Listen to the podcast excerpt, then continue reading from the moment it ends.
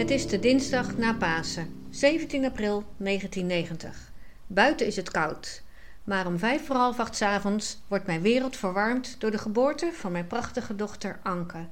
Zij is het zusje van tweejarige broer Maarten. Hoi mama, met Anke. Hoi mama. Hoi mama. Hoi mama.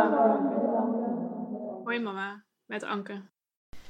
Dit is een podcast voor en over Anke. Anke wil graag dat haar strijd tegen haar eetstoornis niet zinloos geweest is. Anke wil met haar verhaal verschil kunnen maken, ook al is dat maar voor één iemand. Ik ben Marga, de moeder van Anke. En ik ben Ina, de tante van Anke.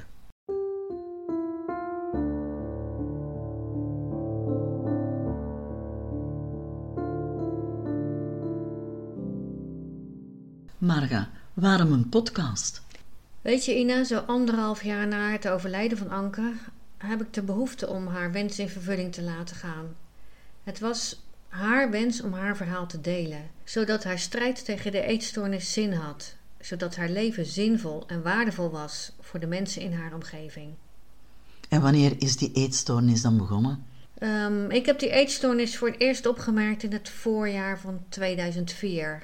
Toen merkte ik dat Anke aan het overgeven was. En ik vroeg haar: Ben je ziek? Ben je misselijk? Waarom doe je het? Antwoordde ze: nou, Ik weet het gewoon niet. Ik moet het gewoon doen.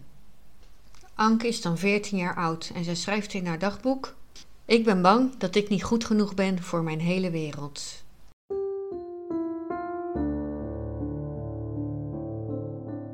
In deze podcast praten we met mensen die voor Anke veel betekend hebben in haar leven. We praten met zowel familie, vrienden, lotgenoten als haar behandelaars. We hopen dat we met deze podcast antwoorden kunnen geven op vragen van luisteraars. Hoe reageer je als ouder, als broer, als zus, als vriend of vriendin? Hoe ga je om met iemand met een eetstoornis? Wat vertellen de behandelaars, de lotgenoten, ervaringsdeskundigen, familieleden over hun ervaringen?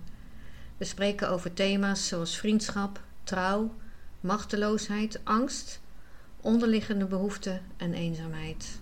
In de eerste aflevering vertelt Marga hoe het leven van Anke vanaf 2004 ingrijpend verandert.